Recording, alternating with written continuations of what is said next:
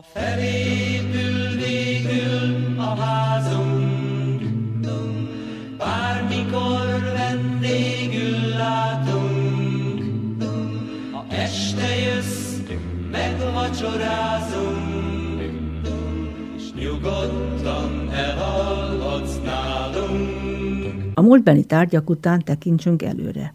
Ismerjék meg Sómagyi Ágnes beszélgetőtársát, aki a környezetet védve már szabadalmazhatta is nagyszerű ötletét. A környezettudatosság, a természet védelme kötelességünk lenne, és még mindig nem az. Akivel beszélgetek, Blaskovics Ákos, aki egy olyan lépést tett ezen a zöld úton, ami forradalmasíthatná a családi házépítészetet. Az érdekes viszont az, hogy amíg ő ehhez az ötlethez eljutott, ahhoz szükség volt egy világ körüli hajóútra. Hogy is volt? 2011-ben egy 80 liter a föld körül expedícióba indultunk, aminek az volt a célja, hogy mennyi üzemanyag felhasználásával lehet most körbehajózni a Földet. Vitorláshajóknál is mindenki motort használ, hogy az akkumulátorokat föl tudják tölteni. Mi a hajónkat átépítettük olyan technológiák, mint napelem, szélkerék, vízkészítő berendezés, lett technológiás világítás. Direkt azért, hogy nézzük, hogy ezek valóban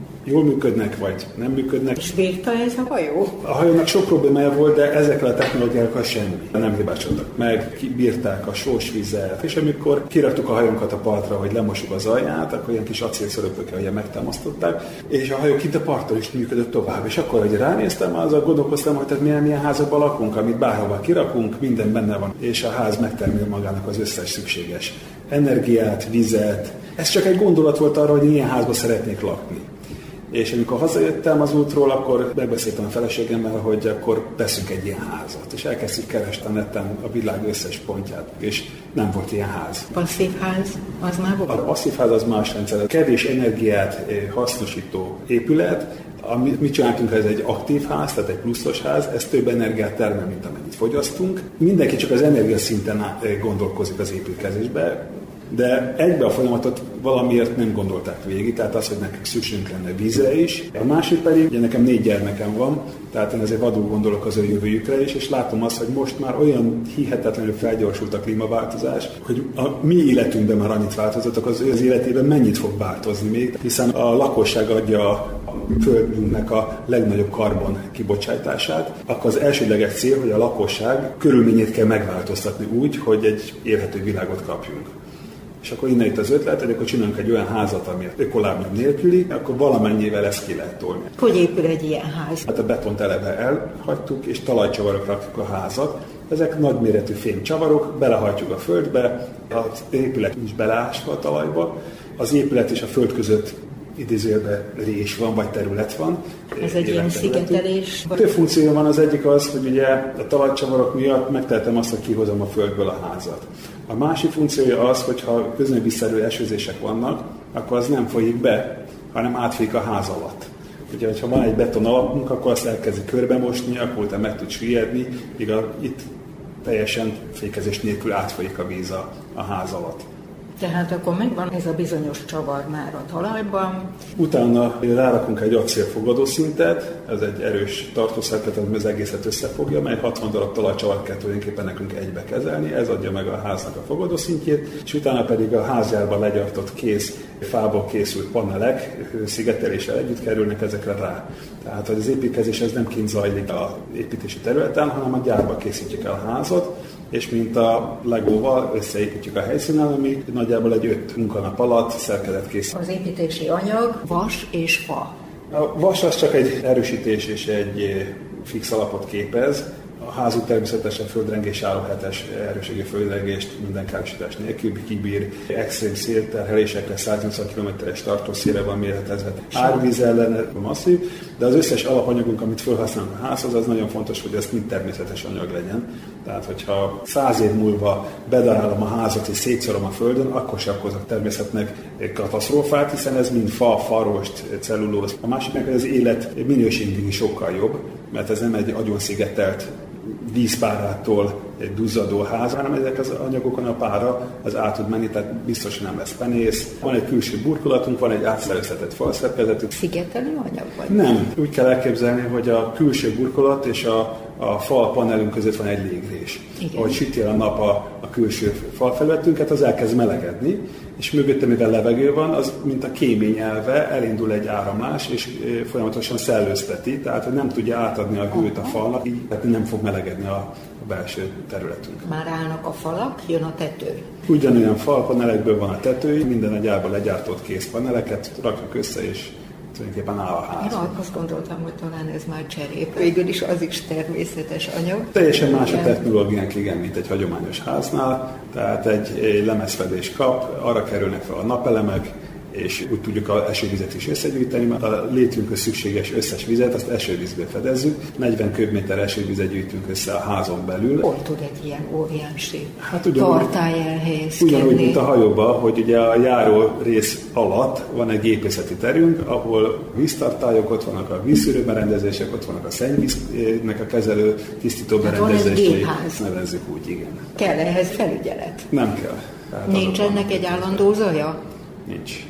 Mi van akkor, ha asszály van? Hát mi a 40 köbméter vizet gyűjtöttünk, és 5 köbméter a havi fogyasztásunk. Elég 5 köbméter. Igen. A legnagyobb vízpazarló része az a WC. Egy WC öblítésével 15 liter vizet lehúzunk. Ezt úgy oldottuk meg, hogy a házba beépített szennyvízsziszítóból kifolyó víz, ami már ugyanolyan minőség, mint egy esővíz, azt használjuk fel újra a WC tartályoknak az öblítésére, tehát így effektíve a WC nulla vízfogyasztása rendelkezik. Attól féltünk, hogy ez lesz a legdengébb láncszem, de ez nem igaz. Tehát, hogy amikor most ez a nagy asszály volt, hogy most már a Dunában alig volt víz, nekünk akkor is teljesen tele volt a vízkészletünk. Nincs vízkő, nem mennek tönkre a csaptelepek, fehérek az embernek a ruhái, kislányom az ekcémás volt, amikor még csapvízen fürödtünk, azóta megszűnt. Az esővíz az egy olyan kincs, amit én nem is tudom, hogy miért felejtett el a, a civilizáció. Ez nem drágítja meg nagyon a háznak a kialakítását. Nézetméterára mi nem vagyunk drágábbak. A különbség az, hogy nekünk, amikor elkészült az épületünk, akkor másnap már mi rezsimentesen futunk, még egy hagyományos ház esetében ilyenkor indulnak a havi rezsiszámlák. És milyen nagyságú lehet ez a ház, mert ugye a gépház elvisz egy csomó területet, A lakótér az idézőjelben nem csökkent, hiszen a gépház az mindig alul van, ahol akkor hány 95 szintes ez a ház? Hát tulajdonképpen egy szintről beszélünk, bár van alattunk egy gépészeti tér, azt lehetnek mondjuk fél szintnek nevezni. Hát itt az a lényeg, hogy mi körülbelül olyan két méter magasan vagyunk a földtől, az nekünk a, az egy szintünk. Mennyi az alapterület? Ez 137 négyzetméter belterület és 50 négyzetméter teraszt.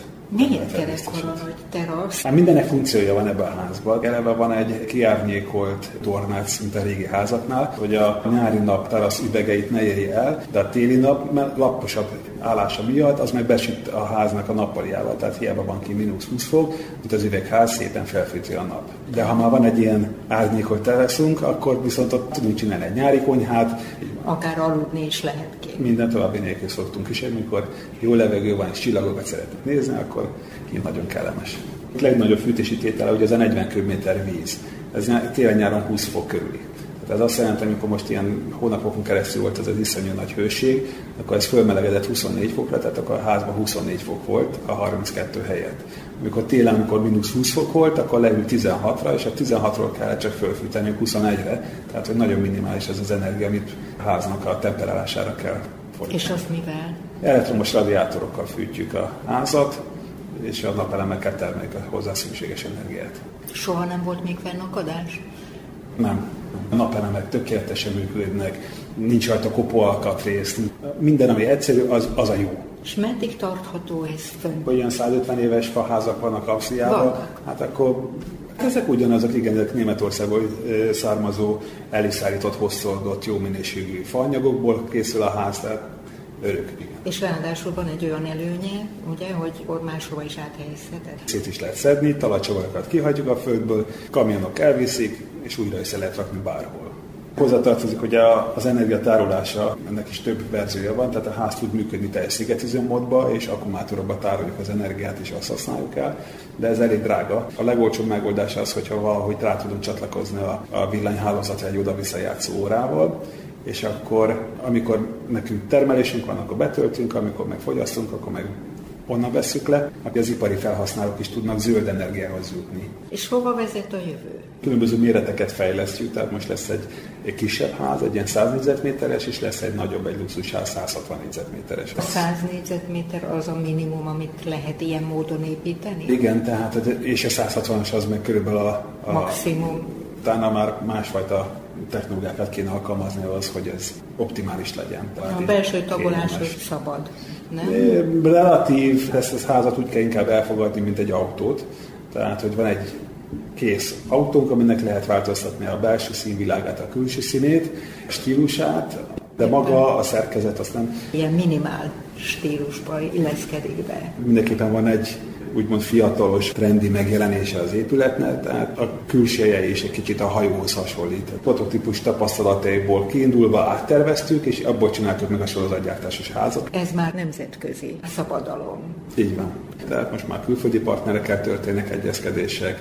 Nagyon sok olyan cég vagy kormány keresett meg minket, ahol a pont a környezetvédelem miatt például nemzeti parkokba szeretnének ilyen rendszerű hoteleket letelepíteni, hiszen nem hagyunk ökolányomot, és ennél sokkal rosszabb az, hogyha turistákat ilyen 100 km-es távolságból mozgatják mindig oda meg vissza, hiszen az sokkal nagyobb környezetkárosító hatással rendelkezik. A legnagyobb problémák az mi mindig a kötöttségek és a szabályzások.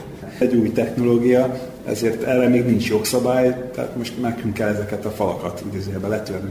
Milyen érzés volt beköltözni egy ilyen házba? Már két éve ott lakunk, és hát ugye teszteljük és mérjük az összes eredményeinket. Ez az első ház tulajdonképpen, ahol már nem nekem kell dolgoznom a házért, hanem a ház dolgozik nekünk. Tehát, hogy annyira egyszerű, hogy ezt ott lehet hagyni, nem kell itt állítgatni a fűtést, meg a hűtést. Nagyjából mindig 21 fok van télen nyáron. Az is fontos nekünk, hogy egy ilyen házban lakik, az már környezetudatos.